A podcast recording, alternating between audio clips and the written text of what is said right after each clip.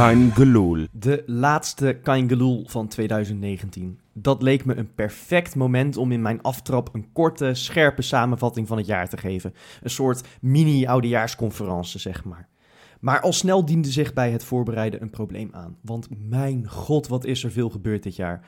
Alleen al de eerste helft van dit seizoen voelt als vijf jaar in een paar maanden geperst. Er is zoveel gebeurd dat zomerse aankopen als Liam Kelly en Edgar IE nu al voelen als pubquiz antwoorden in de categorie vergeten voetballers. De 6-2 van Persie van Bronkhorst, dat lijkt al helemaal een eeuw geleden. Om nog maar te zwijgen over alles wat zich in en rond de bestuurskamers afspeelde. Als er één rood-witte draad door dit jaar liep, dan was het wel dat er op Feyenoord geen vuurpijl te trekken viel. Maar goed, daardoor zaten wij in ieder geval nooit met onze mond vol tanden. En dat zal in 2020 vast ook niet veranderen. Ja, dat was de aftrap van de allerlaatste Kaingeloel van dit jaar. En die ga ik natuurlijk niet in mijn eentje maken. Want naast mij zit Johan. Hey. En Marijn. Hallo, daar zijn we weer. ja, ja, jij loopt volgens mij al twee weken met een enorme grijns op je smoel. Ja, die, uh, die lach krijgt niemand van mijn gezicht. Nee, zo zou uh, John de Bever zeggen. Precies, ja. precies.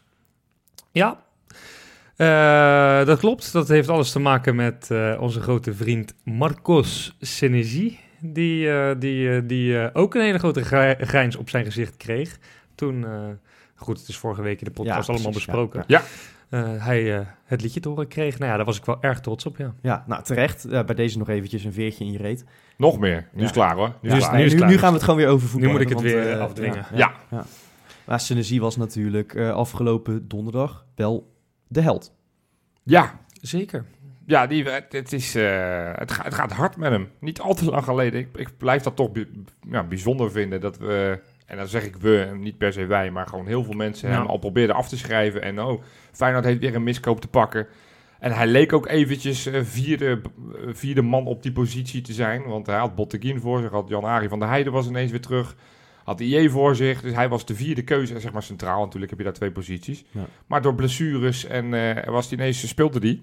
En hij heeft zijn kans gegrepen en nu is hij alweer ondenkbaar uit de basis. Uh. Nou, dat zeker. Uh, en uh, wat is voor mij de Fox Sports commentator, die had het over dat Senezi in Rotterdam werd verguisd. En dat is volgens mij niet waar. Nee, dat denk ik ook Wij zijn allemaal altijd heel positief geweest. Juist altijd heel erg hoopvol dat hij er doorheen zou komen. Dus in Rotterdam is hij zeker niet verguisd. Nee. Uh, hij, uh, hij heeft van ons alle kansen gekregen en, uh, en, en gegrepen, denk ik. En hij speelt ook gewoon echt waanzinnig goed. Want alle ballen, ik bedoel, verdedigend is het, is het een verademing. Hij, hij gaat die duels als een vent aan. En hij kan ook gewoon voetballen. Het is niet alleen maar een mannetjesputter die ballen afpakt. Maar het is ook gewoon een speler die gewoon ballen vaak hard goed inspeelt naar voren. Uh, uh, mensen soms overslaat. Het is, ik vind het echt een heerlijke voetbal. Hij heeft alles ja. in zich om echt de nieuwe held te gaan worden van ons elftal. Dat is absoluut waar. En ik ben natuurlijk uh, voorzitter van, van zijn fanclub. ja. Um, maar. Maar. Maar. Want twee weken geleden hadden we het in deze podcast over hoe goed hij vooruit verdedigt en vroeg instapt. En dat zijn timing fantastisch is. Ja. We hebben dat nog niet uitgesproken of uh, verkeerde timing van hem uh, leidt, de derde doel, leidt het derde doelpunt van FC Porto uh, in. verkeerde ja. verkeerde ja. timing van hem levert een grote kans voor Malen op kort na rust in de ja. wedstrijd tegen PSV. Ja. Een verkeerde timing van hem levert ook een grote kans voor Kerk op dit, dit weekend. Ja, hij dus was sowieso is, dit weekend echt niet goed hoor. Ja, nou, hij krijgt ook wel, hij krijgt wel weer gewoon go goede beoordelingen. En, oh jawel, nee, maar uiteindelijk, zoals heel Feyenoord, herpakte hij zich wel de tweede helft, maar het was voor rust toch... Poeh. Ja, maar hij zit er dus in ieder geval, zeg maar, hetgene wat we aan hem roemen, heeft hij er nu ook een paar keer een beetje naast gezeten. En ja. uh, weet je, dat levert dan op Porto na. Uh, maar uh, ja, er gebeurt natuurlijk ook nog wat knulligs na zijn actie, maar levert het direct geen tegendoelpunt op. Waardoor het niet zo heel erg opvalt. M maar ik denk wel dat we een kleine slag om de arm moeten houden. Want voor hetzelfde geld gebeurt dat binnenkort een keertje wel. En dan staat iedereen ook weer in de rij om hem uh, uh, uh, weer te downgraden, zeg maar. Dus perfect is het niet. Maar het is natuurlijk hartstikke leuk om te zien dat hij het zo goed doet. En al helemaal dat hij ook nog dat doelpunt maakt. En in dat doelpunt tegen Cambuur, daar zit echt alles in, hè.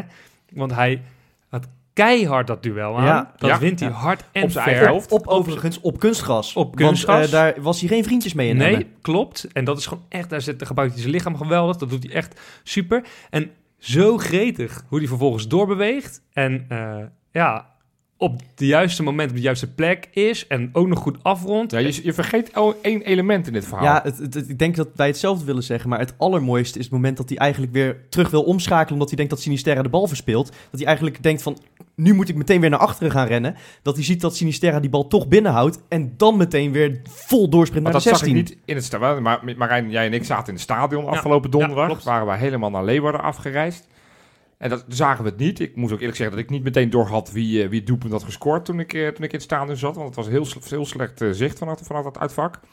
Maar toen ik de samenvatting terug zat te kijken, van, hij sprint voren. En op een gegeven moment denkt hij, oh ja, wacht maar ik ben geen aanvaller. Misschien moet ik eerst weer terug naar... Dus hij stopt en op een gegeven moment denkt hij, oh ja, precies wat Freek zegt. Ik, Ja. ik ga toch maar mee naar voren. En hij staat precies op de juiste plek. En hij schiet inderdaad die binnen in. Wel, Al werd wel hij door een de geweldig, overstapje van Berghuis trouwens. Ja, pre- pre- precies. En ja. hij, geeft, hij geeft zelf toch ook gewoon die steekpas op Sinisterra? Ja. Ja, Ja, ja, dus hij ja. doet, hij, en hij tackelt, en hij geeft een briljante voorassist, Ja.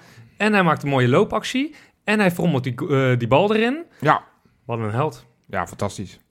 Ja, ja en, en over mooie goals hadden we sowieso niks te klagen deze week. Nou, dit was de minste van de vier deze week. Ja, Met enige afstand ook. Ja, dit was eh, die andere drie. Dan hebben we het erover. Dan de goal van Berghuis eh, met zijn linkerbeen die hij in de verre hoek schiet. Nou, toen dacht Kukshoe... Ik Nou ja, kan, in de ik verre hoek, dat is veel, veel verder in de kruising gaat hij niet. Nee, nou ja, goed. Maar dat is wel fantastisch. hè, pre- precisiewerk. Nou, Kukshoe dacht drie dagen later van... Hé, hey, dat, dat kan, ik twee ook. keer zover. Ja. Eh, precies. En, eh, en toen dacht Tornstra van... Ja, maar als jullie mooie goals gaan maken, dan doe ik dat ook eventjes. Laat ik er even eentje invegen. Ja. Zo, die schoot hem ook partij hard in. Koekeloer. Nee, dat was, eh, het was een, eh, een heerlijk weekje. Ik vond die van Berghuis, Berghuis het mooist. Ja, ik heb een polletje uitgezet op, eh, op ons Twitter-account. Ja. En eh, daar was Berghuis toch met enige afstand de laatste. Ja, maar ik vond die het mooist. Eh, hij had weinig ruimte, moest het zelf creëren. Eh, wat jij net al zegt, eh, veel, eh, veel verder van de kruising kon hij niet af. Eh, doelpunt waar we echt tegenaan zaten te hikken ook. Ehm, heel knap. Ja, fantastisch. Ik vond, ik vond die het mooist.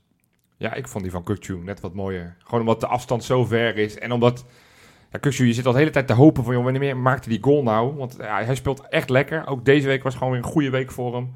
Alleen dat, dat scorend rendement leek, leek hij een beetje kwijt te zijn. Terwijl hij bij de jeugd er allemaal alle hoeken en Ja, hij had stand op een gegeven moment raak had hij een seizoen met 34 goals en 17 assists of zo. Dat- dat- of andersom. Ja, dat zou Echt zomaar bizar. kunnen. Dat, Ja. Maar, maar de- nou, hij had wat moeite met het net vinden dit seizoen tot nu toe. Maar ja, die bal schoot hij toch wel lekker in op een be- belangrijk moment. Want we zaten nog niet zo heel lekker in die wedstrijd. En hij, eh, hij breekt die wedstrijd wel even open het voor je. mooie, mooie aan die goal vind ik... eh, dat heel veel spelers, als ze van zo ver scoren... dan, dan schieten ze eigenlijk puur op kracht. Ja. Gewoon zo hard mogelijk richting het doel rammen. Maar hij weet precies waar hij hem hebben wil. Ja. Hij heeft ook de techniek om dat uit te voeren. En hij, had, en hij had nu ook de tijd om te, Ja, om dat- te beseffen. tuurlijk. Dat, dat, Dat ja. is ook, want je ziet hem ook, hij wilde eerst al schieten en dan zag je hem toch nog even wachten, zodat hij, dat, dat hij, Ja. echt, dat hij echt helemaal goed ervoor stond. Nee, is een subliem doelpunt. Ja, maar ja, die van Torstra ook. Nou Ja. want nu moet Freek uitleggen waarom hij die van Toornstra het mooist vond. Ja, nou ja, ik- ja eigenlijk wel ja. Nou ja, dat vind ik ook misschien wel. Want eh, daar zit wel het meeste aanknopingspunten zitten daarin. Leg uit. Nou, dat is de beste ingestudeerde aanval.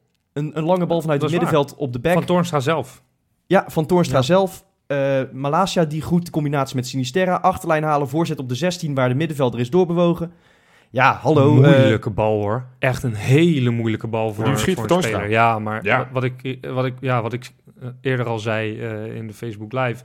eh, als, je, als je twintig betere spelers dan Toornstra eh, die bal geeft, dan schieten ze ze misschien wel alle twintig over. nou ja, er zijn een hoop spelers die zo'n goal één keer in hun carrière Ja. maken. Maar voor Toornstra is het intussen nummer 10 of zo. Ja, maar hij doet het, hij, hij- het, het lijkt zo logisch als je hem dit doelpunt ziet maken, Ja. dat hij zit, dat, dat, dat dit een doelpunt is. Maar het is echt zo moeilijk, want hij moet, het is een volley en het is een volley laag bij de grond en het is een bal die met veel snelheid op hem afkomt. Nou, dit, ik vind het zo knap aan Torstra dat hij, eh, dat hij vaak in dit soort situaties precies weet wat hij moet doen en dat dan ook uitvoert. En dat Ja. doet hij in split second. En het is geen technisch begaafde speler, maar wel iemand die een ongekende traptechniek heeft. En, dat, eh, en, hij, en hij denkt en handelt in die situaties dan ook heel snel. Dat vind ik heel knap. Ja, Ja. ja. Ja, dat en zie je het- inderdaad, enkele dagen ja. daarvoor is hij volgens mij een beetje beroofd van een goal. Want toen schoot hij hem ook. Nou, ik denk niet dat hij over de lijn was. hoor. Nee, ik denk zag, het ik wel. zag, ik Denk heb het beelden wel. gezien en dat heeft met, Met de schaduw. schaduw. heeft- Ja, met de dat schaduw. zegt ook niet alles, want dat kan natuurlijk ook een beetje optisch Ten bedrog zijn. eerste, ten eerste zat hij waarschijnlijk en ten tweede moet je hem altijd tellen. ja, mooi gezegd. Ja, Ja. vind ik wel. Ja. Ja, dus het was eh, ja, een lekker weekje. Want je bent en door in de beker en je wint een hele belangrijke wedstrijd in en tegen Utrecht. Ja, en kijk uh, of Cambuur nou uh, in de keukenkampioen-divisie speelt of in de eredivisie. Het zijn gewoon twee super lastige uitwedstrijden. Ja, en Cambuur is een goede ploeg. Ja, we ploeg in vorm. Ja. Ja. Nou ja, we moeten dat niet, niet, niet groter maken dan nodig, maar, Nee, maar het kleiner maken. Want iedereen zei, ja, maar een keukenkampioen-divisie ploeg, ja, maar deze ik denk dat ze, dat ze in de ploeg zou- Eredivisie eh, rustig voor plek 12 meedoen. Ja, hoor. maar het is- zou, het is- zou er tegen linkerrijtje aan zitten, Ja, hoor. maar hoe dan ook is het, al, is het te allen tijden veel moeilijker en vervelender om tegen de koploper uit de keukenkampioen-divisie te spelen. Want dat is een ploeg met vertrouwen en waarvan je ook weet, die is echt niet minder dan de onderste drie, vier ploegen uit de eredivisie. En die hebben dat vertrouwen niet. Precies. Dus Cambuur uit is echt een eh, aanzienlijk moeilijkere wedstrijd dan RKC uit of... eh, ADO of- thuis. Ja, of. GVVV Ja, uit. Ja. Ja, nee, ja, meens, meens. Dus ja, Ja. Ja, maar wij waren in Utrecht, eh Was ik Johan. ook heen. Ja, ik heb, dat is wel de uittripjes zoals ze het lekkerst zijn. Hè? Met een onnoemelijk irritante tegenstander. Eigenlijk een beetje een gestolen overwinning. Twee Ja. schitterende goals en, Ja. en, en drie punten. ja, er zat alles in. Ik bedoel, wij zijn geen neutrale kijkers, maar ik denk dat het voor een neutrale kijker een fantastische wedstrijd Ja. Het ging alle kanten op. Er waren kansen voor ons, er waren kansen voor, voor Utrecht. Er was strijd, er waren kaarten, er waren dubieuze momenten waarvan je zegt, die hadden wel meer kunnen, kunnen zijn. Rood, dan wel penalties. Nee, ik vond, ik vond het een hele lekkere wedstrijd, maar vooral omdat we uiteindelijk toch als winnaar van Ja. het veld gaan. Ja, dat Ja, leek, terwijl- er- terwijl- leek ervoor is niet per se op. Nee, maar Nee. Utrecht, Utrecht was de hele wedstrijd denk ik gewoon licht de betere ploeg. Ja. Absoluut. Ja, En dan is het gewoon wel leuk, leuk als je zo'n eh, als je zo'n wedstrijd een keertje wint. Want eh, op zo'n zo'n lastige uitzegen zaten we natuurlijk wel een beetje te wachten. Ja, zeker. ja, en toch, als je het hebt Nou ja, over- lastige wachten op uitzegers gesproken. Dit was mijn eerste van het seizoen. Ja. Ja, jij bent al wat uittripjes geweest. Ik heb, ik heb vier uitwedstrijden in de Eredivisie gezien dit jaar. En dit was, Ja. eh, de, en, eh, dit was de vijfde en de eerste overwinning pas. Ja, Ja, ja, nee, dat is... eh, Ik ben blij dat we daar vanaf zijn. Want anders, anders hadden we echt een verbod ja gegeven. dan om, had ik na, na de winter niet meer gemogen. Nou, ja, Ja. Nu is het toch gezellig dat je gewoon meegaat nog een paar keer. Ja. Want we hebben eh, voor, de uitzond, eh, voor de uitzending hebben we weer een paar vastgelegd. eh Ja. mondeling. Ja, want we we gaan, naartoe de, de, de bekerloting is inmiddels geweest. Ja, we gaan naar Fortuna en ik wil naar Herakles, dus zaterdagavond. Ja, die spelen drie dagen later spelen tegen, tegen Herakles uit. Wat, wat vinden jullie ervan dat de beker nu op deze manier is gelood? Beetje Vreselijk. gek. Stom. Beetje gek. Niet leuk. Nou, ja, het is... Ja, nou, Ik vind het juist de charme hebben dat je gewoon elke, elke ronde niet weet wat je de volgende keer gaat krijgen. En nu Ja. kan je gewoon het hele pad Elke keer, uitstippelen. elke keer die, die, die balletjes graaien op donderdagavond, dat was toch gaaf? Dat- op dat- donderdagavond dat- zeker. Het maar is al dat- minder dat dat, het dat, dat is op al zaterdag is. zaterdag Ja, eh, al precies. Omdat eh, de, de Fox eh, waarschijnlijk kijkers wilde trekken op dat, aan het programma. toen, ik, toen ik net een seizoenskaart had, eh, toen won Feyenoord ook de beker. Dus 2007, 2008. En toen ging ik met een paar vrienden van de middelbare school eh, altijd naar Feyenoord toe. En ik kan me nog herinneren dat wij toen een keer een, een, een schoolfeest hadden. eh, ook rond deze tijd van het jaar. Eh, met, met, met oud en nieuw, ja, of tenminste met, met het einde van het jaar. Was een groot schoolfeest in Locomotion in Zoetermeer. Ja. En dan zaten we allemaal, hadden we allemaal aan onze ouders gevraagd, of in ieder geval iemand had aan zijn ouders gevraagd of die de bekerloting wilde sms'en. dus dan kregen we een sms'je met het woord deur naar uit na de winterstop, weet je wel. Dan waren we helemaal blij. Ja. Dus ja. dat, was, eh, dat, was de, ja, dat was de charme wel. Nee, maar ik, ik, snap ook, ja, we hebben natuurlijk tegenwoordig een hotline met Fox, hebben we ontdekt. Hè? Die, Ja. die, die luisteren naar ons. Ik Ja. snap niet waarom Fox dit doet. Want ook voor hun is het toch lekker dat je elke keer na zo'n beker eh, Ja, ronde, dat je weer iedereen massaal na zaterdagavond om 10 uur gaat zitten Sterker, ze maken de hele, hele teasers voor, voor voorafgaand. Maar Het dit is, is toch vooral eh, de KNVB die, dit, die deze manier van loting... Ja, omdat, waarom? omdat ze nu... Die, Fox Sports, wat zij Fox Sports zeggen betaalt, is, dus wat zij zeggen is dat, kan het ook eh, gewoon bepalen. Ja, maar de KNVB zegt dat het komt omdat nu de ploegen die Europees speelden later instroomden. Dat ze Dus nu- is dat er nou mee te Ja, maken? daar Echt ze... totaal, Ik snapte ja. het ook niet, Nee, wat dat ermee te maken heeft. Fox, kom. Fox, eh, hou je poot stijf. Volgend jaar gaan we weer elke zaterdagavond, eh, mag het voor mij zaterdag of donderdag, maar maar niet zo gek je, loten. Lo- Loten is gewoon leuk, loten is interessant en loten, wil- iedereen wil de loting zien. En dat is ook de reden waarom zij niet alleen eh, hele heroïsche teasers maken voor klassiekers en toppers, maar ook met een heel jolig lingo liedje eh, de loting aankondigen al dagen van tevoren. De, Ja. hele, de, hele, de hele buzz en hype rondom het bekertoernooi heb, heb je nu alweer een beetje verminderd. Ja. Klopt. En die man met die snor, dat is er ook gewoon... Ja, een nou alleen al daarom. Koning, wat- Ja. Hoe Die heet die man? Hoe heet die man? Eh, Hij ziet eruit als een Herman. nee, Heinrich heet. Heinrich. Heinrich, Heinrich, Heinrich. nog wat Ja, heet ja, hij. Ja, het is een fantastisch. legende. Het Ja. is een legende. Is, is dat zijn taak? Is, is, is zijn functie gewoon balletjes uit de, uit de Nee, hij is, eh, hij is toch eh een Volgens van mij de zijn programma, ook programma-coördinator of Ah, dat is zo. toch ja, jammer. zoiets. Ja. Ik had gewoon echt, ik had de hoop dat dat gewoon zijn functie is. Jij dacht dat het een soort van Monopoly-mannetje was. dat hij gewoon zes keer per jaar gewoon ballen ja, oké, oké. Hey, ja, ik wilde nog wel even één naam noemen, want we hebben net over Kutju als middenvelder gehad, we hebben het over Torstra gehad, maar ik, ik vond ver en ik, ik vond ik echt waanzinnig goed tegen Utrecht. En ik zag al die cijfers van al die kranten en toen dacht ik, nou, volgens mij is het niemand opgevallen, maar ik vond hem zo waanzinnig goed spelen. Uh, nou, nee, ik vond hem in de eerste helft... Uh, liep Utrecht veel te makkelijk over dat middenveld heen. En daar moet hij toch uiteindelijk toch vooral een stokje voor steken. Nou, het probleem is met maar hij was aan de bal was hij prima. Nou, maar ik vond hem, ja, verdedig, ik vind het iets te makkelijk door te zeggen. De middenvelders liepen er makkelijk nee, doorheen. Nee, maar dus dat, dat zag je gewoon een paar keer. Dat, dat die lopende mensen van het middenveld van Utrecht... Ik was trouwens redelijk onder de indruk wel van Utrecht, hoor. Die hebben het prima staan, uh, het veldspel. Gustafsson speelde goed, hè? Ja, maar ja, ja inderdaad. Oh, ja, ik, ben, ik, ik, ik heb een zwak voor die gozer. Ik, ik, ik, vond het zo jammer dat Feyenoord hem toen weg heeft gedaan. Ik die, had echt die, verwacht... die draaide trouwens één of twee keer makkelijk weg bij Senesi. Ja, die, maar die speelde überhaupt goed. En, en, en, op een gegeven moment, dat was zeker in de eerste helft, want toen speelden ze toevallig onze kant op. En toen dacht ik, jongens, jullie weten toch dat die gozer best wel aardig kan voetballen, maar hij kreeg zoveel ruimte elke keer. Dan dacht ik, joh, pak hem nou eens aan. Want als hij met die bal aan de voet en tijd krijgt, dan verzint dit echt wel iets, iets, iets, iets zinvols. Ja, maar ik denk vooral wat jij, wat jij ook bedoelt, uh, in dit soort intense wedstrijden tegen een tegenstander waarvan je denkt dat ze niet beter zijn dan Feyenoord. Mm -hmm. uh, en misschien wel, misschien wel uh, soms zo is, en zeker in sommige wedstrijden dat heel goed kan zijn, denk ik dat je toch best wel een beetje lastig hebt met dit middenveld. Want er staat niet echt een stofzuiger op. Nee, nee Ver is natuurlijk ook een beetje gekunsteld in die, ja. die, in die rol. Ja. ja. En nou vind ik dat hij het niet goed, niet slecht doet hoor in die rol. Want nee, hij heeft ook nee, een goede tackle in huis en dan kan echt wel de beuk erin gooien. Maar hij heeft net niet die snelheid en die explosiviteit om, om, om, om, ervoor te, om te voorkomen dat je af en toe uh, een beetje wordt overlopen. Precies. Ja. Ja. Weet je wat ik wel mooi vind van Ver? En dan kunnen we het hebben of hij wel of niet goed was. Ik bedoel, tegen Cambuur deed hij sowieso niet mee. Is maar de, de, hoe betrokken hij bij het team is. En ja, dat zeker. Want na de wedstrijd zondag daar stond hij te juichen. Sowieso ging al die spelers, die deden als een buikschuif. Dat vond ik al mooi. En die stond ja. echt de interactie met het publiek op. Hè. Komen we uit Rotterdam, keer ja. niet horen dan. Deden ze ook ja, dat is ook, ook nou, nieuw, ja. ja. ja, dat is de Cambuur ook. En, um, maar, maar Ver, die stond echt zeg maar alsof hij net de wereldbeker had gewonnen. Die stond daar te juichen met het publiek. En, en een paar dagen daarvoor, terwijl hij niet meedeed, ja. in Cambuur kwam hij ook als enige wisselspelers met de, de spelers die gespeeld hadden. En hij gooit zijn shirt in het uitvak. En oh, joh, nou ja. ja, ik, ja 30 centimeter oh, 30 centimeter van mij vandaan. Ik had bijna dat, uitshirt, of, uh, bijna dat, uh, dat shirt van, uh, ja. van Ver te pakken. Volk, ik schrok me kapot. Ik kon, ik, ik, kon er bijna bij. Maar Sowieso was het een mooie, mooie week voor juichers. Want hoe, hoe juicht ja. Na die goal, dat hij naar advocaat rent. Ja, en dat, ja, nou, Ik zag ook een foto daarvan. het is zo ja, innig en warm. met zo'n gebalde vuist ook uh, lekker. Malasia trouwens, die meteen uit het uitvak rent... omdat hij al zielsblij is dat hij een assist heeft gegeven. Dat vond ik schitterend om te zien. daar daar kwam ook wel wat los. Hè? Het speelde een goede tweede helft trouwens, Malasia. Ja, nou, absoluut. Nee, maar die, die vond ik van spelen. En wat ik zeg, Berghuis uh, op zijn verjaardag ook naar die bank rennen. En het is... Het, het zit wel goed. Berghuis Dick op zijn verjaardag. Het wel Dan moet ik gelijk even denken aan, aan, aan, dat gesprek dat hij met Hans Kraai junior had... Uh, na afloop ja, van die wedstrijd. Ja. Over dat hij ja. zich had zou moeten schamen, ja of nee. Nou, daar beet hij wel even lekker van zich af, hè? Ja, dat betreft goed, is wel uh, een aanvoerder in die zin dat hij echt al voor de groep staat, hè? Ja, precies. En... Uh, Leuk. Toen zei hij nog, toen, toen werd hij gefeliciteerd. Ik ben jarig hè, vandaag. ja, precies. Ja, hij zat wel, zat wel lekker in zijn vel. Ja, we hebben nog voor hem gezongen. Ja. ja. Nee, ik vind, ja, Dick Advocaat heeft het goed op orde. Eén ding, ik ga, ja, dat hoort toch ook een beetje bij mij, dat ik altijd een beetje mm. kritisch ben op onze hoofdtrainers, ook op Dick Advocaat, wat ik niet zo goed snap. We hebben deze week twee keer hebben we Tijn Troost ineens op het veld zien staan. Ja. Hè, dat is dan uh, een keeper van onder 19, die nou niet eens basisspeler daar per se is. Nee, want de, de normaal gesproken. Maar goed, ja. op een of andere reden, ik denk dat Bijlo weer geblesseerd is. Nou, Evora was ook al geblesseerd. Ja. En ja, wat scorevaar, he, geen idee.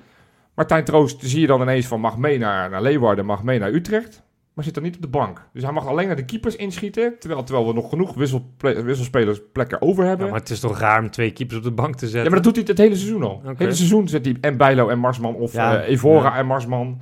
Dus ik snap het. Is dat waar? Ja, dat is echt waar. Okay. Dus ik, ik, snap, ik snap dat niet. Waarom, heeft, waarom heeft, Troost een, heeft Troost een profcontract? Misschien dat daar iets heeft mee te maken heeft. Heeft okay. hij ook? Heeft hij ook? Dus ik, ik snap dat niet als je dan je betrekt zo'n gozer erbij. Sterker nog, Feyenoord op hun sociale media die, die zeiden al van, hè, Tijn Troost zit in de selectie. Een shirt werd al een foto van gemaakt, nummer 48 geloof ik. Maar hij zat niet in de selectie. En ook zondag niet tegen Utrecht. En dat snap ik dan Ja, zijn tijd komt nog wel. Ja, maar Enigszins kan ik je volgen. Anders denk gewoon... ik, een beetje onbeduidend, Johan. Ja, ja, ja weet ik. Maar ik, je, je, moet altijd wel een beetje... Je moet niet... Het is nu allemaal Hosanna. En, en Dick Advocaat doet echt fantastisch veel goeds.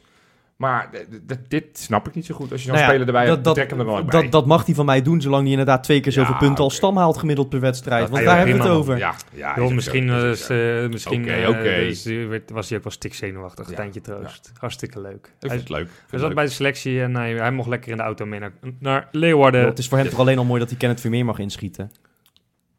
Ja, ook wel. We moeten hem nu ook niet te klein maken. Ik bedoel, het is natuurlijk wel gewoon een jongen die op een gegeven moment door nee, moet breken. Ja. Dat zijn wel de gasten waarvan hij het moet leren ja, op dit zeker, moment. Zeker, zeker. Daarom zeg ik dan, wat, wat, ja, als je hem toch al mee hebt genomen naar Leeuwarden, zet hem dan ook op de bank in de plaats van de tribune. Goed, nou ja. we gaan naar de bakens. Bakens in de vette. Ja, ik durf de bewust geen uh, tease te geven of het een goede of een slechte week was.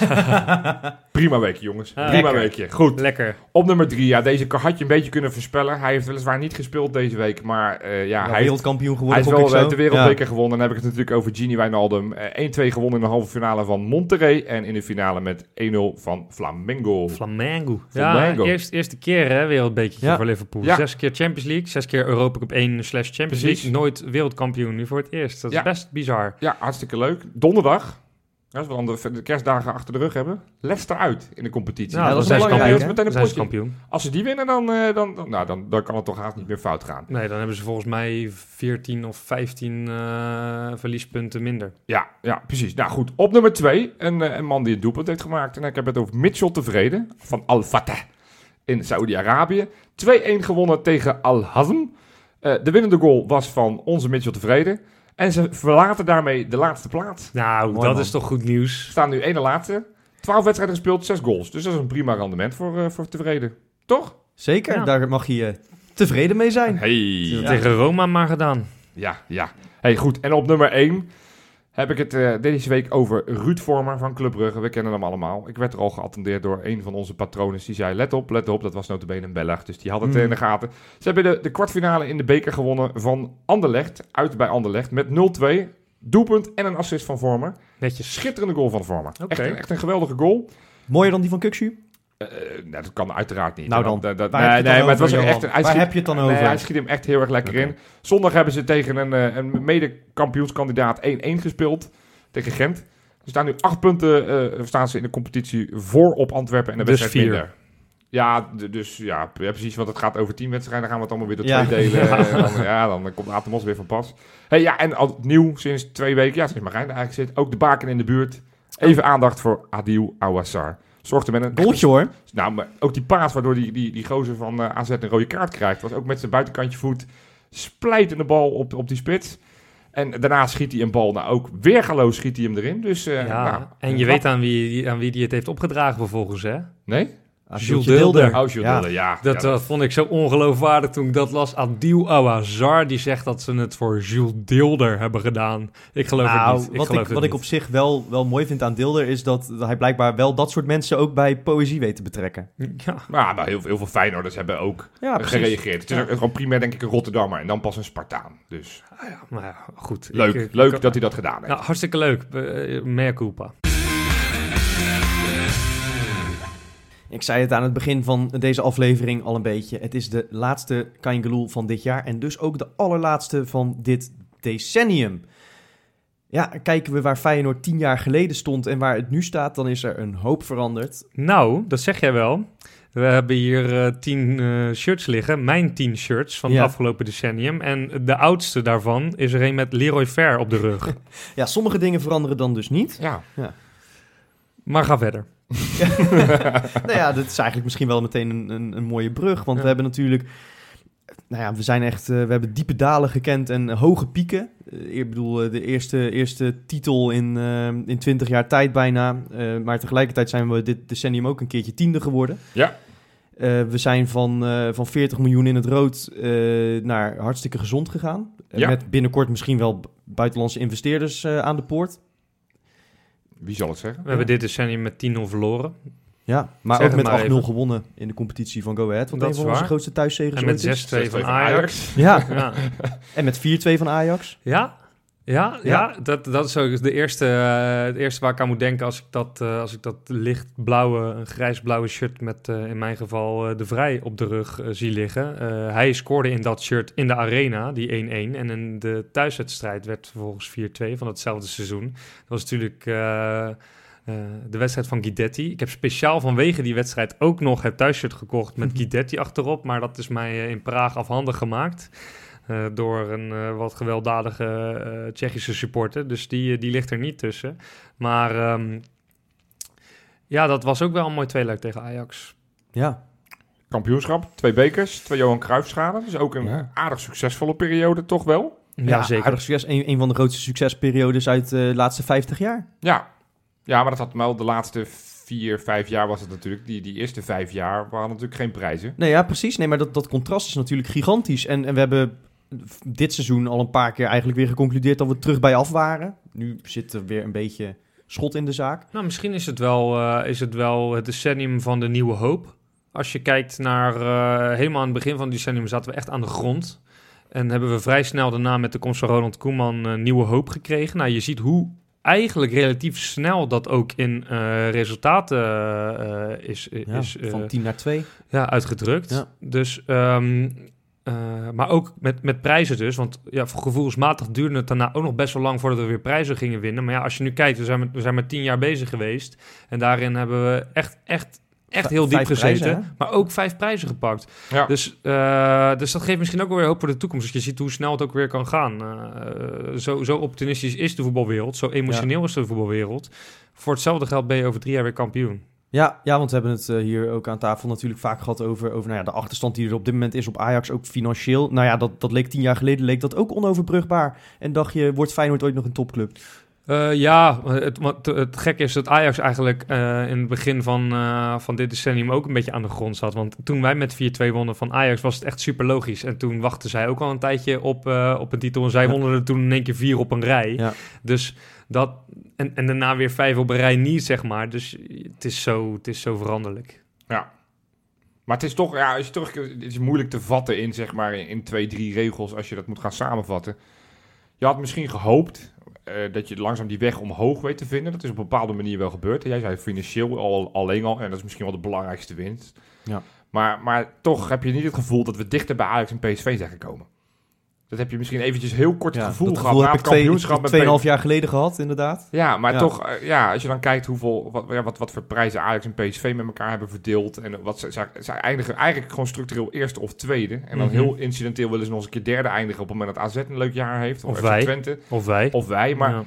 Het, het, het, hun, hun, ja, hun ondergrens lijkt gewoon stukken hoger. Wij kunnen nog, wij vierde, we staan nu vijfde, we zijn een keer tiende geworden het, het, het, ik, we zitten er niet dichter op. En dat, dat nou, sterker nog, op dit moment is AZ, leidt ons nu voorbij. Dat vind ik allemaal wat, weet je, dat is over twee jaar ook wel weer anders. Dat, ja, dat, dat was begin dit decennium ook, hè? Toen had AZ net... Toen was FC Twente, en FC Twente ook. Twente ja. toen nog, hè? Die waren toen kampioen geworden, net het uh, laatste, laatste decennium. Over decennia met piek en dalen gesproken, is Twente er ook eentje. ja. ja, die hebben het iets, ja, die hebben nog meer uh, een rollercoaster meegemaakt.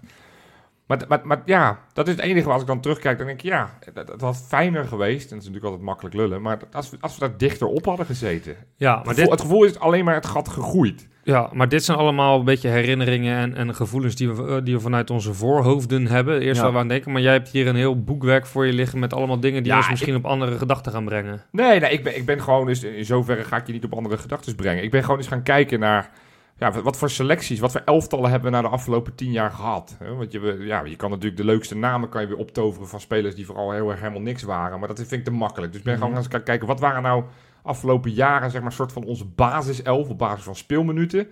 Wat was nou de gemiddelde leeftijd? Hè? Hoe zat het met de topscores, doelsaldo, met puntenaantal? Ja, daar kan ik heel veel uithalen. Maar wat, wat, als ik één trend zie, is van dat we, nou ja, op een gegeven moment hebben we geïnvesteerd in jeugd, omdat we moesten. We hadden geen geld. Hè. Dan hebben we het over 2009, uh, 2010, dat seizoen daarna. Dan Mhm. gingen natuurlijk al die oudjes een, bij, een beetje weg, of die gingen ja. langzaam weg. En toen kwam je inderdaad met jongens als Wijnaldum, met Ver, Leerdam, Castanjos, Biseswar, die allemaal uit de jeugd. De Vrij. De Vrij. Martens Indy. Uh, precies. Uh, had ik ook niet door de Vrij dat hij 17 was toen hij eigenlijk al een soort van basisspeler was. Ja, ja. Weet je, en dan eigenlijk, eigenlijk als tweede keuze achter Schenkenveld nog. Ja, die, dat, dat ja. komt er nog eens bij.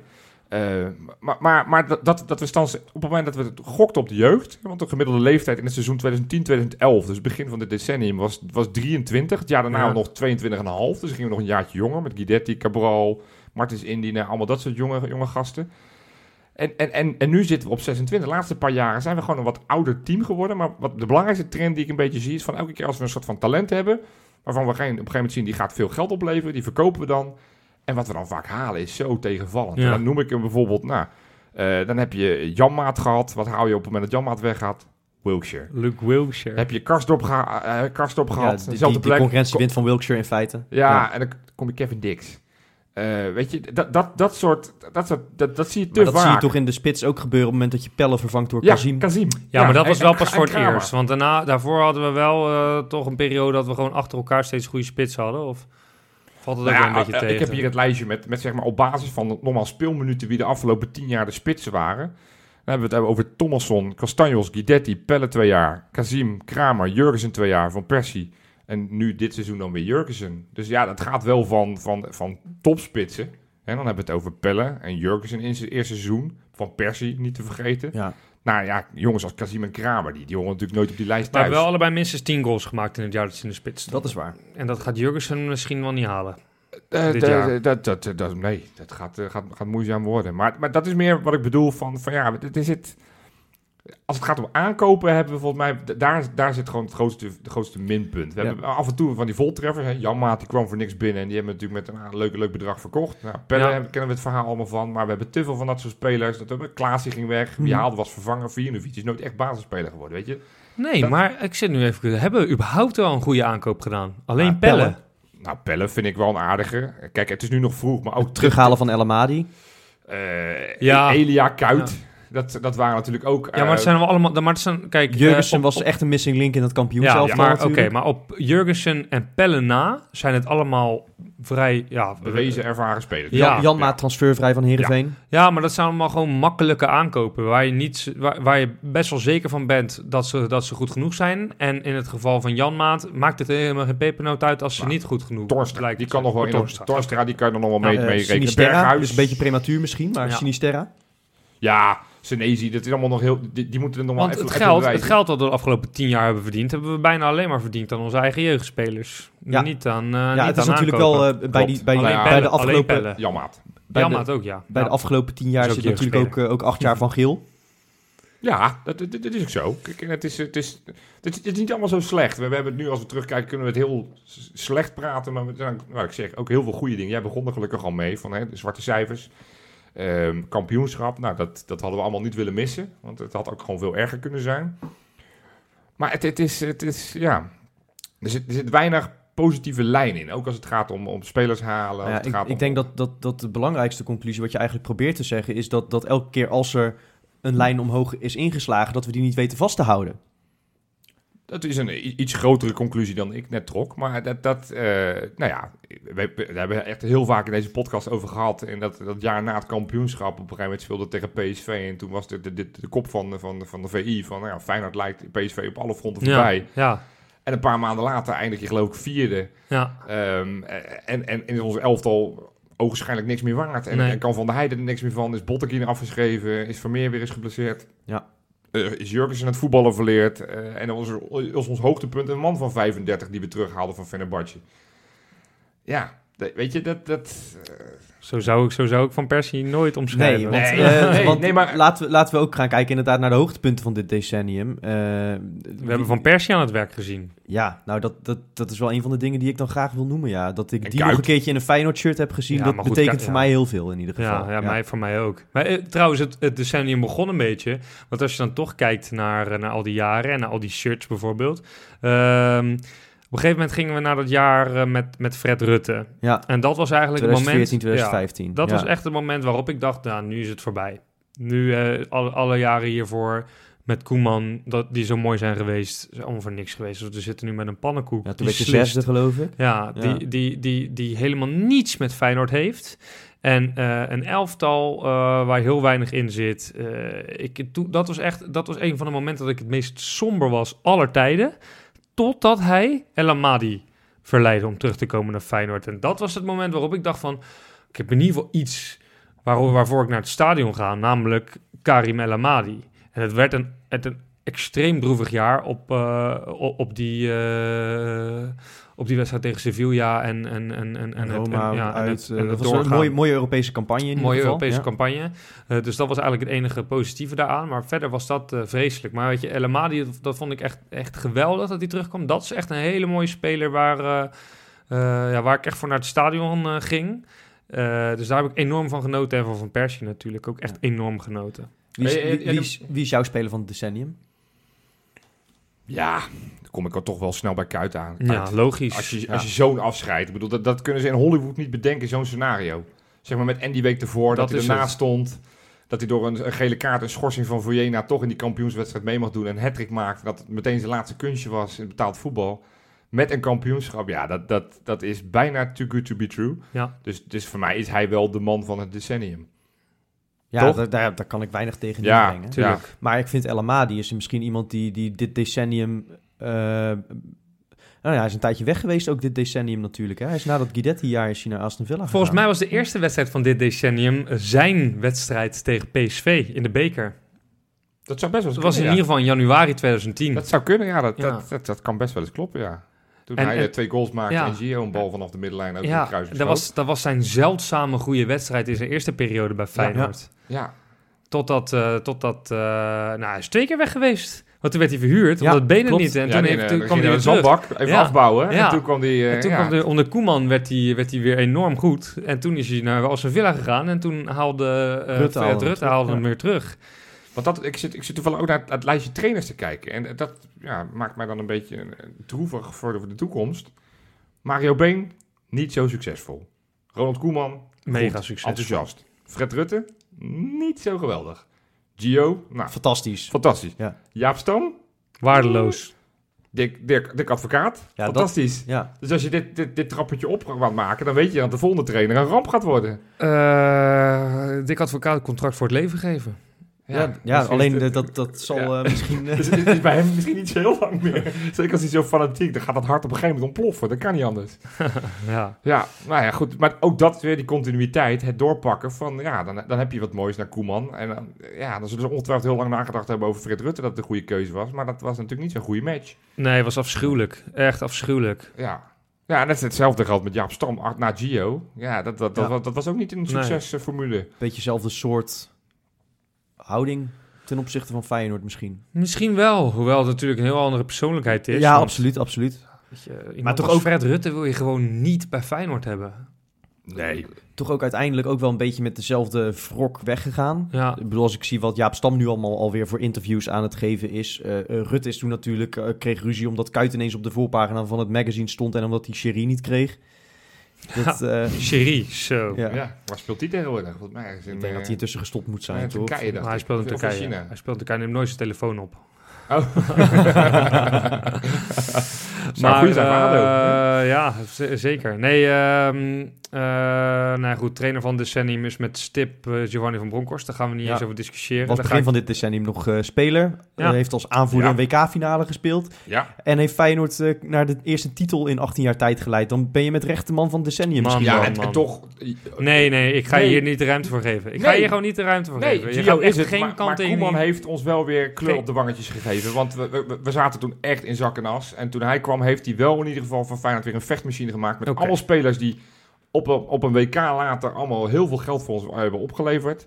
Ja, hij, hij, hij moest noodgedwongen allemaal jonge spelers inpassen, maar dat heeft hij gedaan. En hij heeft zich nooit verscholen achter het feit dat ze allemaal zo jong waren. Nee, dat is Maar waar. Nee, hij stond er echt Cabral, voor zijn spelers, inderdaad, ja. Klaasie, Martens Indy, De Vrij, Leerdam. Zeker. wilden allemaal jongens van 22 en jonger, hè? Ja, dat is waar. Ronald Koeman heeft bij Feyenoord bewezen dat hij waardig nu, eh, zeg maar, de koning is van de Nederlandse Ja, trainersgelden. absoluut. Maar Had hij zelf ook nodig, hè? Ja, dat is absoluut. Ja, Had hij zelf ook Ja, zelf hij was nodig. bij AZ maar- weggestuurd. Ja. Ja, Ja. dus, dus, dus het wa- het was een, een, een succesformule. Maar nee, uiteindelijk de prijzen van Gio met afstand is hij daardoor wel de, de trainer van, van, je, van het decennium. Het, het is misschien wel gewoon de, ma- de man van het decennium, Ja. de Feyenoorder van het decennium. En dit was, dit was het decennium waarin eh, Giovanni van Bronckhorst heeft onderstreept dat het een van de aller, aller, aller, aller, allergrootste legendes is van onze club. Ja, en, en misschien ook wel van Nederlands voetbal in totaal. Ja, ja, zeker. Meer dan 100 interlands gespeeld. Nou ja, aanvoerder in een WK-finale, dat eh, kunnen er niet veel zeggen. Nee.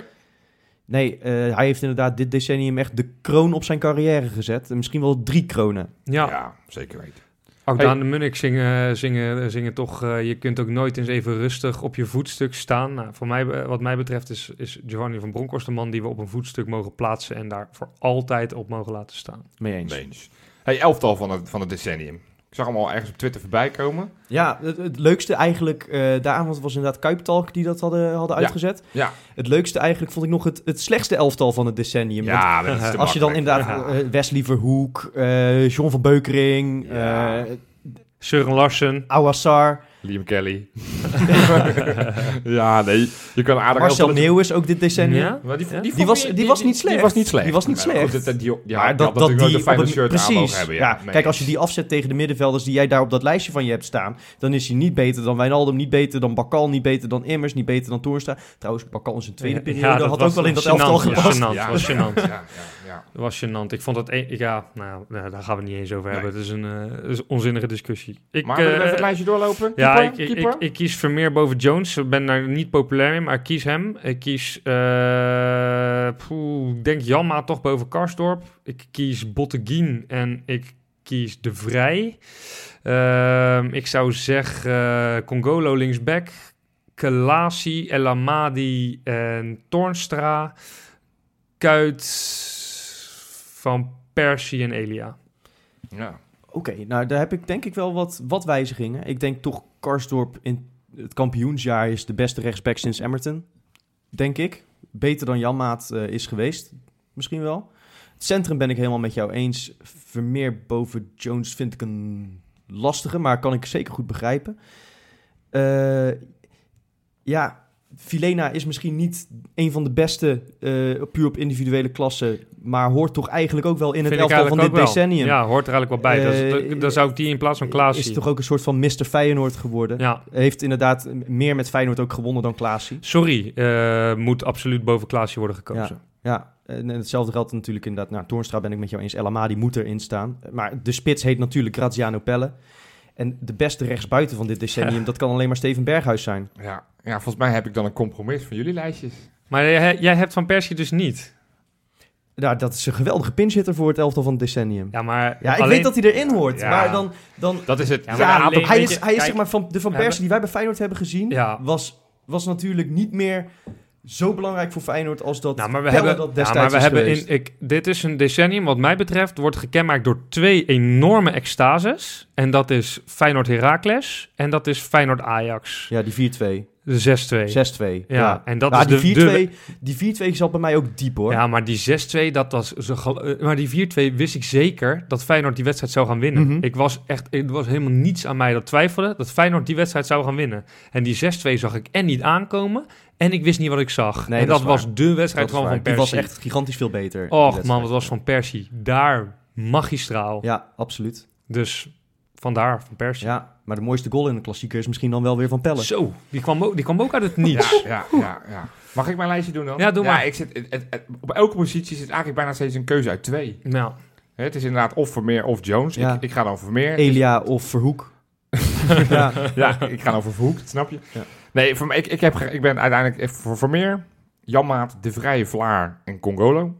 Klaasie en Vujena en dan Kuit als aanvallende middenvelder. Berghuis, Pelle, Elia. Dus van, van Persie staat er bij mij ook naast. Je hebt El Amadi niet. Nee, ik, ik, ik, vond Klaasie in die eerste periode... Ja, het, het, gevaar is ook bijvoorbeeld Ver, vond ik in zijn eerste periode echt geweldig. Maar ja, nu heb je toch een iets ander beeld. Dat is ook een beetje met Karsdorp het geval natuurlijk. Ja, dat, vertroepelt ook een beetje. Ja. Um, um, Boetius, hè? ook op zich de eerste paar jaar Boetius was Zeker, ook, was ook echt wel hij, prima. Hij, hij, ligt hier op deze tafel. Ja, ik heb nee, ook een shirt van hem. Zeker. Maar goed, weet je, jongens als, als Wijnaldum, die hebben niet eens genoemd. Om even nee, te, uh, nee, nee. Zo hebben we nog best wel een paar. Uh, Bahia is weliswaar op het einde, maar eh, van de Heide. Het zijn Wijnaldum is die... natuurlijk bij Feyenoord niet helemaal tot wasdom gekomen. Maar nee, maar, maar, je zag toen al wel de klasse natuurlijk. Het zijn ja. wel allemaal spelers die... Uh, ja, Jurgensen hoor ik niemand noemen. Maar dat is ook nee, logisch. hij is, hij is van dit en Kuit en, Pelle. En, en, en, Guidetti. Toch veel mensen zullen ook Guidetti noemen, ja. denk ja, ik. Oh, zeker. Ja, het ja en hij was natuurlijk wel topscorer in het jaar dat we kampioen werden. Maar je hebt het gevoel dat je vooral kampioen bent geworden door Elia en Kuit. Ja. En minder door hem, ondanks dat dat misschien helemaal niet zo is. En El Amadi. Ik vond El Amadi de, de, ja, de belangrijkste schakel in het kampioensteam. Ja.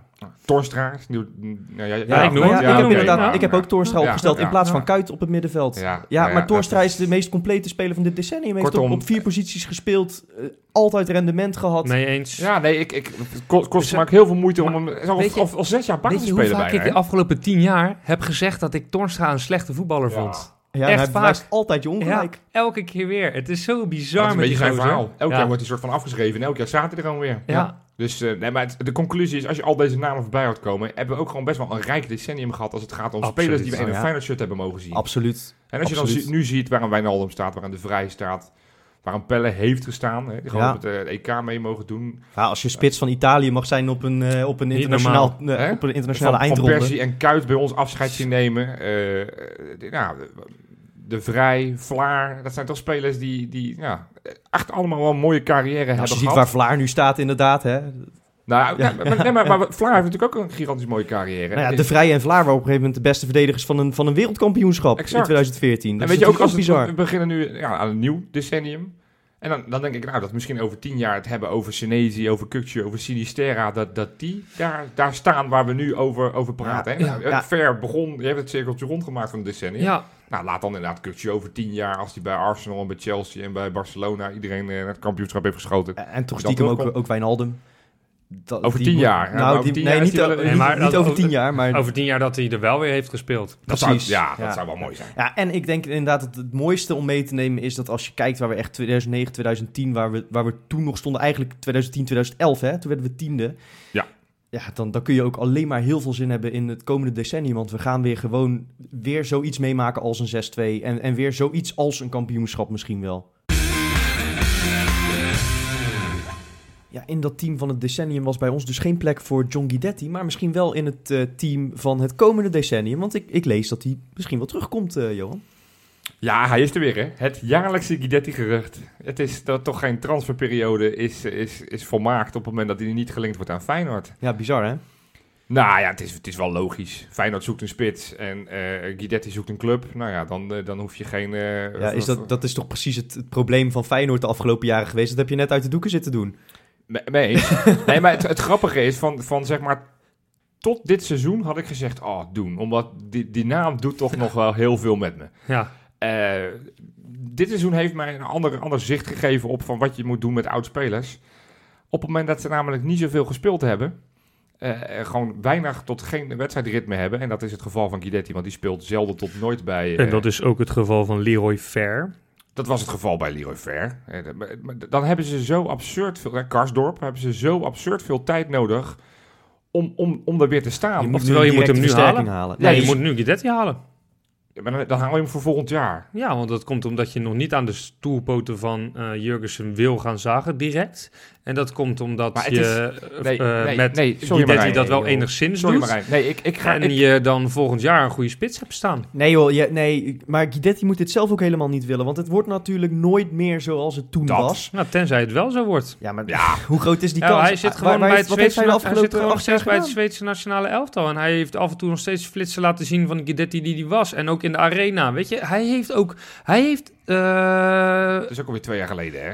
Ja, maar dat maakt toch niet zo gek veel uit? Je, Hij je- speelt nooit. Ja, maar je ziet aan hem dat hij ook een beetje dat sentiment nodig heeft. Een beetje die omgeving nodig heeft om, om boven zichzelf uit te stijgen. Hij Ik wordt- denk dat je gewoon echt een hele mooie spits hebt aan hem. Nou ja, maar het probleem is natuurlijk dat hij nooit meer de eerste spits van Feyenoord gaat worden. Want je wil nu iemand waar je voorlopig mee vooruit kunt. Dat is Guidetti natuurlijk niet. Je moet, je moet op het moment dat de transfermarkt opgaat, moet Dat- Feyenoord ook één ding geleerd hebben van de afgelopen periode.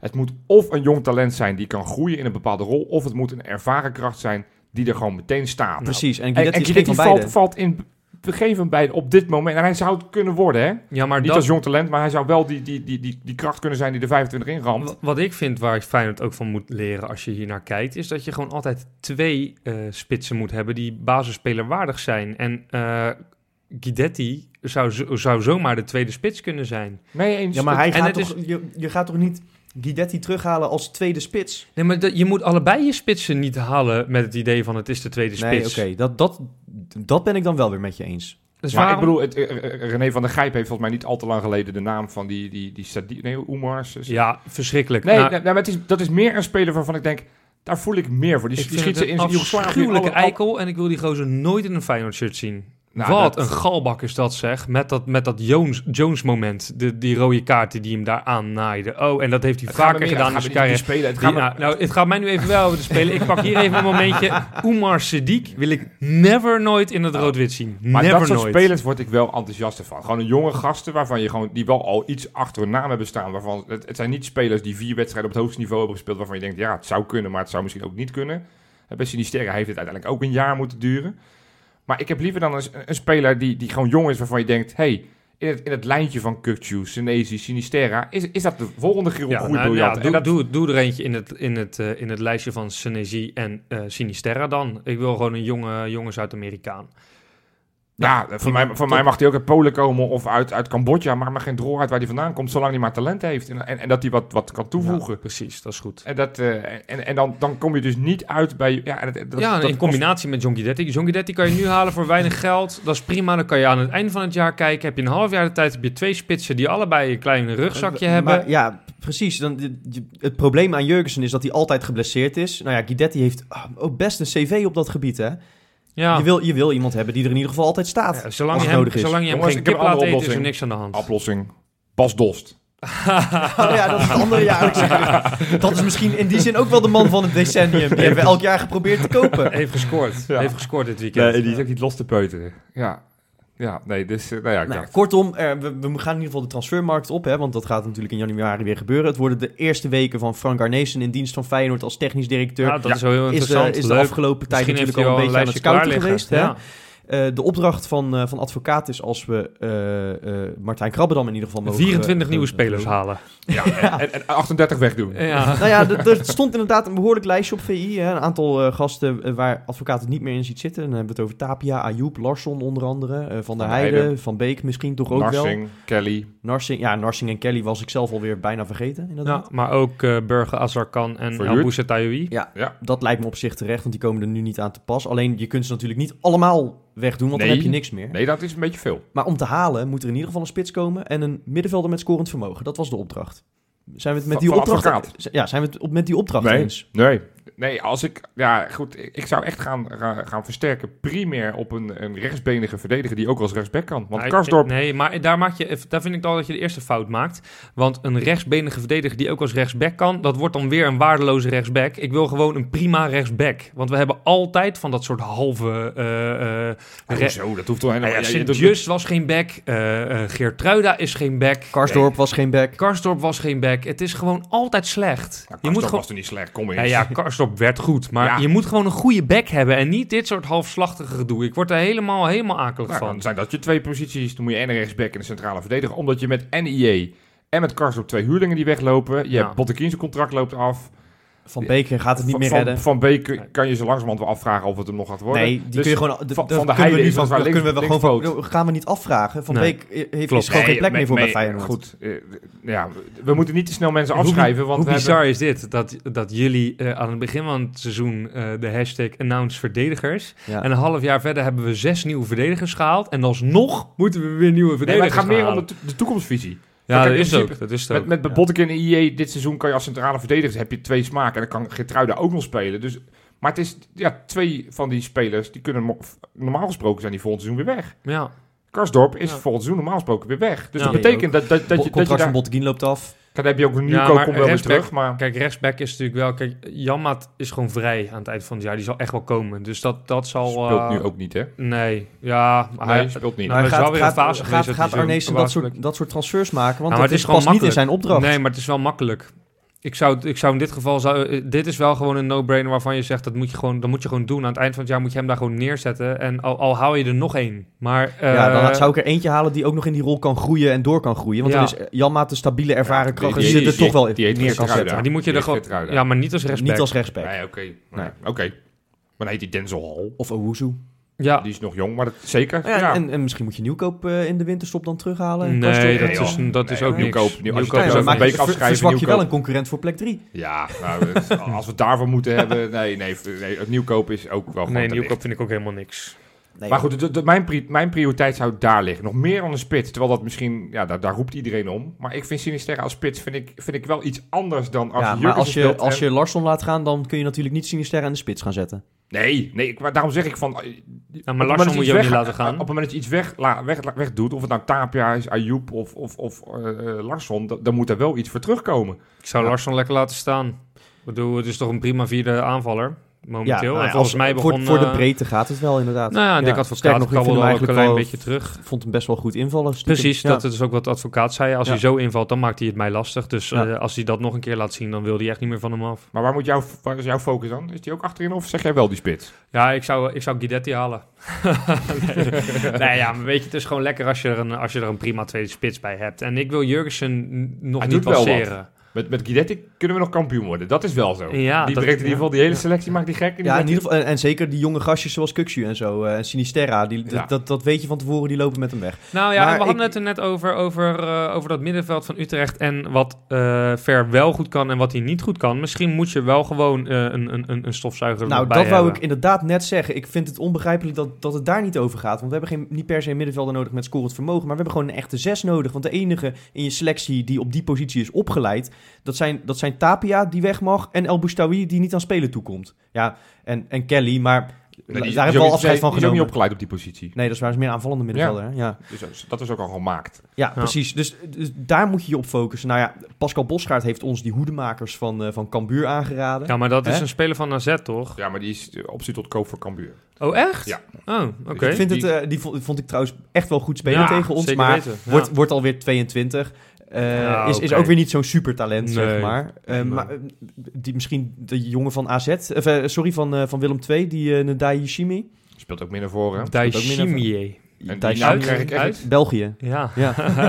ja. Maar- ik dacht, daar krijgen we het hoor. Maar ehm, zijn vader was international van Burundi, toch? Oh, nee, ik heb Ja. geen idee, maar ik heb laatst een voetbalquiz gespeeld en, eh, toen- en ik had het goed. Ik had Ja, het goed. Ja, ja. Het was wel een gok, maar... Nee, maar goed, een, een- dat heb jij wel eens geroepen over Ja. deze. El zou echt wel prima op Ja, die plek kunnen. Maar goed, kun je afvragen. En weet je wie, wie die rol ook in kan vullen? Kuxu of Toornstra. Maar dan mis je dus scorend vermogen.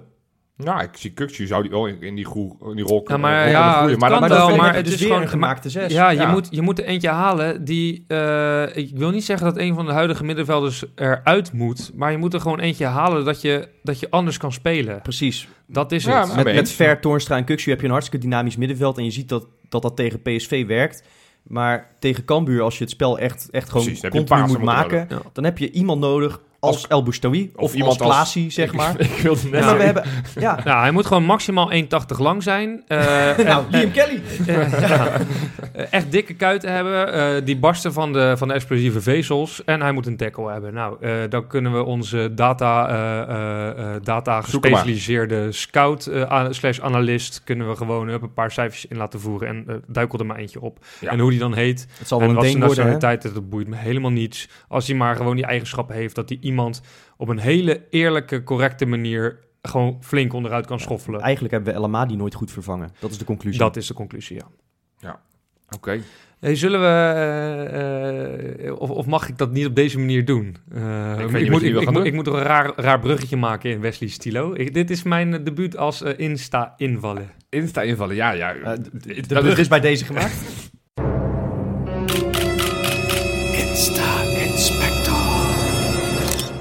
Ehm, we beginnen een beetje, een, beetje, een beetje plagerig. Ik wil het even hebben over Kenneth Vermeer. Want Kenneth Vermeer eh, postte eh, kort geleden, en dat is denk ik vrijdag of zaterdag geweest, dus in ieder geval na de wedstrijd tegen Cambuur, een foto van een nieuwe tatoeage die hij heeft laten zetten achter zijn oor. Het is Jezus aan het kruis, heel klein.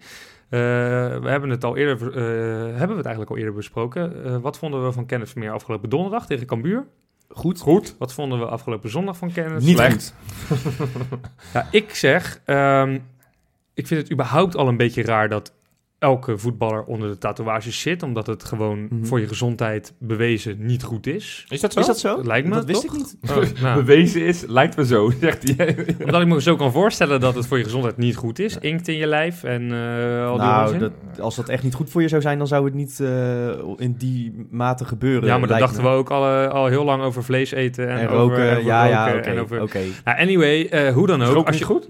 Hoe dan ook, als je Oh. net een tatoeage laat zetten, dan moet dat herstellen. En dan heb je een soort van eh, wond met Ja, een pleister is eroverheen. En zo, ja. dat is gewoon, dus, dat is gewoon wel echt. eh, Dat is een- bewezen. Een, een, een, een wond en een litteken, iets waar je lichaam van moet herstellen.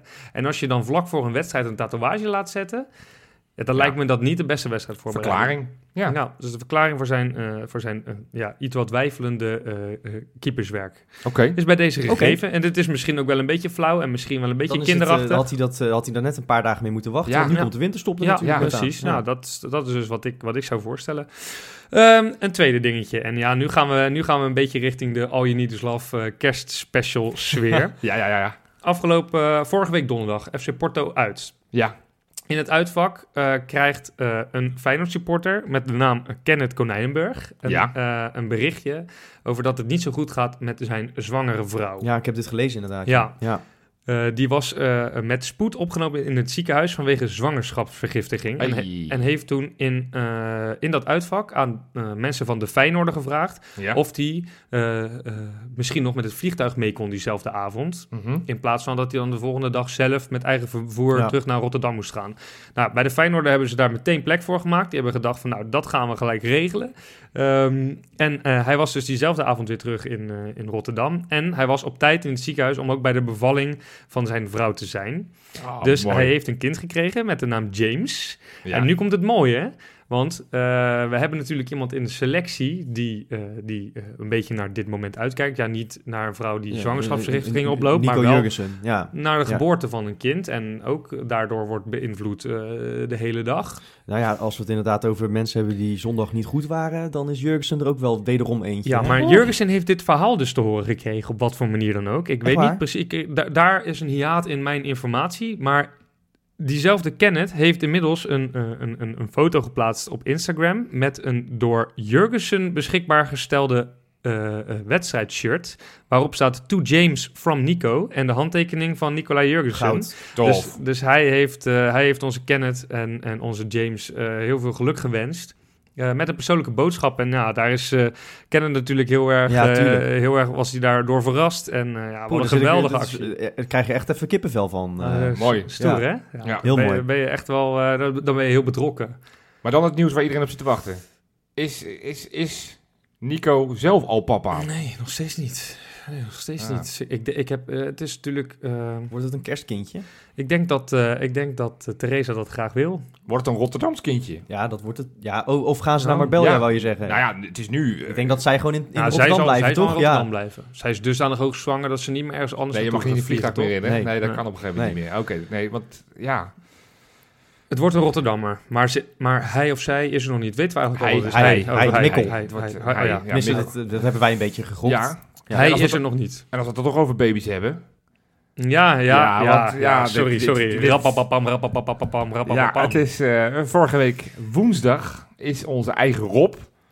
Ja, die kennen we allemaal. Die, eh, die was ook al een paar weken afwezig. Ja, die is eh, vader geworden van een, gezonde zoon. Met de naam? Naam Kalle. Kalle. Hartstikke leuke naam. En het goede eh, nieuws is dus dat hij in, hetzelfde, eh, in dezelfde lichting van, eh, van de jeugd van Feyenoord komt als de zoon van Jurgensen. Ja, super. ja, Hartstikke leuk. En James, hoor ik net. En James. Ja, Dat nou, wordt dat- wel een wordt lichting nieuwe voorhoede. Dat kunnen we Dat is alvast voorhoede. twee decenniums later kunnen we van voor beschouwen, Ja, jongens. precies. Precies. Dit precies. wordt wat. Dit wordt wat. ehm, nog één dingetje, want aan, aan, aan één eh, eh, eh, Insta ehm, feitje kunnen we natuurlijk niet voorbij gaan. Want eh, mijn hart heeft zich gevuld met trots. Oh. Afgelopen donderdagavond, nadat onze grote vriend Marcos Senesi ons een bekerronde verder bracht, Ja. Ehm, kwam al vrij snel een filmpje op Twitter eh, terecht van Ricardo Cesar eh Senesi, Mhm. de vader van Marcos. Daar hebben we het dus over gehad, ja. En hij filmde de broer van Marcos Senesi. Naar mijn informatie heet de beste man Colo Senesi. En die zong mijn liedje. Ja, en- goud hè? En hij Ja. zong niet alleen mijn liedje, hij, hij, hij, hij bulderde het door de, door de straten in Buenos Aires heen. En op een manier, nou echt... Hij doet Jij dit, kon er nog wat van leren. Ja, hij, de- hij doet dit zoveel beter dan ik. Ja. Hij doet dit zoveel beter dan ik. En ja, ja ik ben natuurlijk helemaal, helemaal, ja, helemaal trots. Ja. maar Ja, dat, tuurlijk. dat dat Buenos Aires heeft bereikt. En, Ja. en dat hij eh, er zo'n mooie Zuid-Amerikaanse vibe in legt. En ehm, ja, We ik, moeten jullie samen in de studio krijgen om het echt een keertje goed op te nemen. Oh, dit was echt geweldig. Ja. Nou, Ik de heb volgende het, eh, stap is ik heb wel in het stadion. nou ja, ik wil zeggen, dat, dat heb ik nog niet gehoord. Nee. Dat is jammer. Maar stel dat dat onverhoopt niet gaat lukken, dan heb je in ieder geval een paar Argentijnen echt ontstellend trots gemaakt, Marijn. Ja, Ja. Nou, tot zover met die Vero, want die had aan het begin van deze uitzending al gezegd dat we daar klaar mee waren. Ja, leuk, leuk, hartstikke mooi. Ja, jongens, en dan is het nu eh, langzaam een beetje voorbeschouwen op wat er gaat komen. Nou, de transfers hebben we net gehad. We gaan een trainingskamp, uiteraard weer in Marbella. Ja, niet in Qatar. Niet in Qatar. Nee. Goed hè? Ja, ontzettend goed. ik Ja, ben trots op de organisatie van Feyenoord. Ja. ja, ja. Feyenoord doet tenminste gewoon normaal. Dat is, het is heerlijk. Ja. Ja, nee, En, precies. en wij, en wij eh, eh, spelen oefenwedstrijden tegen meer aansprekende tegenstanders dan, eh, dan, dan, dan sommige clubs die wel naar Ik, Qatar ik gaan. las inderdaad een column van als je, als je Bombari maakt dat je met de trein naar Lille gaat voor het, voor het klimaat en volgens naar Qatar vliegt om tegen Brugge te spelen, Ja. dan, dan gaat er ergens iets mis. ja, Ja. precies. Maar goed, tegen wie spelen we, Marijn? Eh, tegen Hoffenheim en Dortmund, naar mijn informatie. Dat zijn eh, geen misselijkmakende tegenstanders. Leuk, man. Nee, mooi. Leuk, ik hoop dat ze uit, We, uitgezonden we worden. hebben vaak Duitse tegenstanders in de winter, hè? Ja, die vorig gaan- jaar ook Dortmund Die gaan, volgens mij. allemaal, die gaan allemaal naar Marbella. Die Ja. gaan niet naar Qatar of Amerika of Nee. China. Lekker man. Ehm, spelen we dan tegen onze toekomstige trainer of vloek ik dan in de kerk? Alfred Scheuder, bedoel ja, jij? ja, dat bedoel ik, ja. Nou, Dat zie ik niet zo snel gebeuren. Als je doet het toch als je het redelijk goed doet in de Bundesliga. Ja, die zal niet super, doet het niet super. Nee, maar ook niet slecht. Dus dat is toch, Voor hem, ik denk dat voor hem Feyenoord een stap omhoog is. Oudspeler.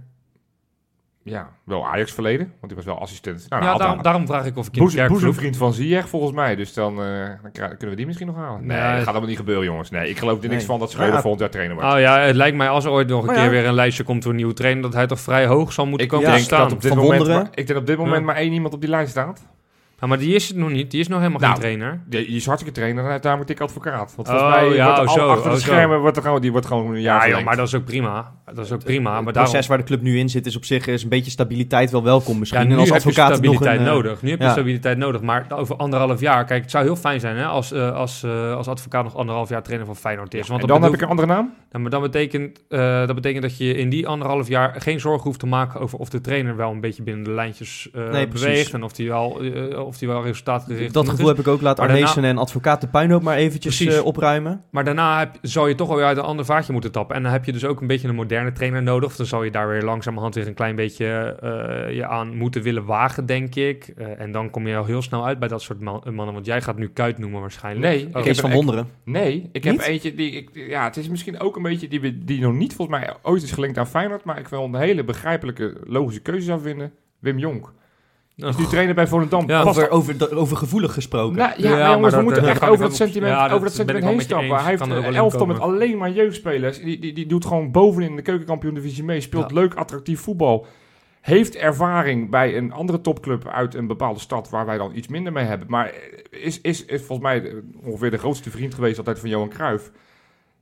Ik wil het wel eens zien. Ja, ik wil het echt wel eens zien. Ik vind, dat, ik vind dat een interessantere keuze dan wanneer we uitkomen bij types als Ron Jans. Nee, Of maar, dat- moet je sowieso niet doen. Nee, Dat ja, maar goed, maar zoveel is er niet beschikbaar. Dus Nee, maar, voor mij is een maar buitenlander... Arnezen, komt- gewoon met een buitenlander. Arnezen komt gewoon met een Ook buitenlander goed, aan. ook prima. Als ook hij maar een laptop heeft. ja, ja, ja. Ja. nee, dus eh, goed. Hey, Maar- normaal doen we altijd een voorspellingje nog, hè? Ja, Als we dan eh, nu eh, vanwege de transferzomer eh, gewoon een aankoop gaan voorspellen. nou ja, dan weet ik wie Marijn gaat voorspellen. Nou, kom maar Marijn. John Guidetti. hey, die had ik niet aan zien komen. Ja, nou, pff, ja laat ik eens... pff, dit is zo moeilijk. Eh, eh, ik, zal ik dan echt een hele debiele naam waar iedereen helemaal knettergek van zou worden? Ja, Want we hebben het net over een speler die rechtsback of centraal uit de voeten kan. Kenny Teten. Cuco Martina. Nou, dat, ik hoop het echt niet. dat- maar ik ja, denk dat, dat we dan Arnezen eh, meteen zijn ontslag geven. Ja, ja. ja, goed. nee, dat, ik hoop het echt niet. Maar ja, dat, wie weet. Over spelers die ook helemaal niks spelen gesproken. Die hebben nog geen minuut gemaakt sinds die bij Feyenoord weg is. Nee, vind je het heel gek? Ja. Nee, dat vind ik niet gek. Nee, Hij, Nee, zit er ik- nog, hij zit er gewoon bij Everton weer dan. ja, ja. zit bij Everton. Ja, Zit. bij het vierde elftal. Ja, precies. Nou ja, bij Hij Everton, eh, maar- degene die er wel in staat, doet niet heel veel beter. Maar goed. Nee, nee, maar goed. Nee, dus... eh, nee, ik vind het, vind het te lastig. Ik, ik hoop op een tropische verrassing. Nou ja, ik, ik ga er gewoon vanuit dat wij een ehm, Deense middenvelder voor jonger dan 21 gaan halen. Oké, Lijkt me leuk. oké. Dan hebben we nog maar één, eh, één ding. Ja, de nieuwe patrones. Ja. Ja, Die zijn, zijn er deze week dus voor niets geworden. Want eh, je had ook, als je niet patroon was, had je, had je, had je deze week niet een helemaal keertje waar. kunnen luisteren. Nee, is niet helemaal waar. nee, maar het Maar is we zo hebben inderdaad, niet we hebben vrees. inderdaad Zo ben deze week... Ik vind het als- schitterend als je in de, de dure decembermaand je budget vrijmaakt om ons te steunen. Dan ben je gewoon een held. Sowieso. ja, wil je noemen wie het zijn? Ja, tuurlijk. Arie van der Stelt en Jeroen Stans, welkom bij de club. Welkom. Welkom. En wat jij zegt, Marijn, deze Ja. week hebben we gewoon inderdaad als, Als een kerstcadeautje. kerst- kerstcadeautje hebben wij. Het komt of dinsdagavond uit of woensdagochtend vroeg. Moeten we nog even kijken. Komt er een eh, de, de Los Patronus, dus de extra podcast. Eén van de twee extra podcasts die we elke week maken. Ja. Die komt eh, beschikbaar voor iedereen, zodat ze eens kunnen luisteren. Wat doen die gasten nou op het moment dat ze achter die betaalmuur zitten? Ja. Eh, die voor iedereen beschikbaar deze week. Dus eh, nou ja, als je het nog nooit geluisterd hebt, ga het eens luisteren. Eh, nou ja, deze mannen die kunnen dat eh, sowieso luisteren deze En die week. kunnen ook maar die kunnen ook, kunnen ook alles terugluisteren. Want we Precies. hebben er inmiddels 39 op de band staan. We doen Ja. ook, voor elke wedstrijd doen we een interview met een, fan van de tegenstander. Ja, en dat is ook, eh, ook een, eh, echt wel een aanrader. Vorige week hebben we toevallig Pascal Bosgaard Ja, aan de lijn superleuk. gehad. Die is dan Superleuk. de assistent-trainer van Cambuur. Het lijkt nu net alsof, eh, alsof dit een beetje zelfbevlekking is, maar ik sta hier toch nog een klein beetje als eh, buitenstaander Ja, jij bent- jij bent een bij. Dat- patron. ja, ja ik, ik ben een patron en ik ben hier pas voor de tweede keer in deze podcast. Ja. En ik vind de, de tegenstander erg leuk. Ja. En kijk, ook een presentje. Deze week heeft iedereen... uit- Ja, we hebben Ja. lang moeten wachten, maar iedereen heeft zijn presentje gehad. Iedereen zitten krijgt een kerstcadeautje van ons. Dus als je ook nog deze week... Ik kreeg zelfs al de vraag, eh, eh, ik zag al mensen trots op, eh, op social media foto's maken hè, van Ja. goh, een stressbal net op tijd voor die lastige bekerpot tegen Cambuur. En daar reageerden alweer mensen op van, oh, waar kan ik die kopen? Nou ja, patreon.com slash Kaingeloel, daar Ja. kan dat dus. Geweldig. Dan zijn we er doorheen, jongens. Ja, Lange uitzending geworden, maar ja, we hadden veel te bespreken. En het is natuurlijk ook een winterstopje. We gaan er even een paar weekjes tussenuit. We zijn er weer eh, ja, in het nieuwe jaar. Dus eh Freek, Dit, dit was hem voor 2019, dit was hem voor het eh, tweede decennium van deze eeuw. En we gaan eh, natuurlijk eh, de komende tien jaar en nog lang daarna vrolijk door met je dinsdagochtend vullen met podcasts over de allermooiste club van de hele fucking wereld. Geweldig. tot volgend jaar. Tot volgend jaar.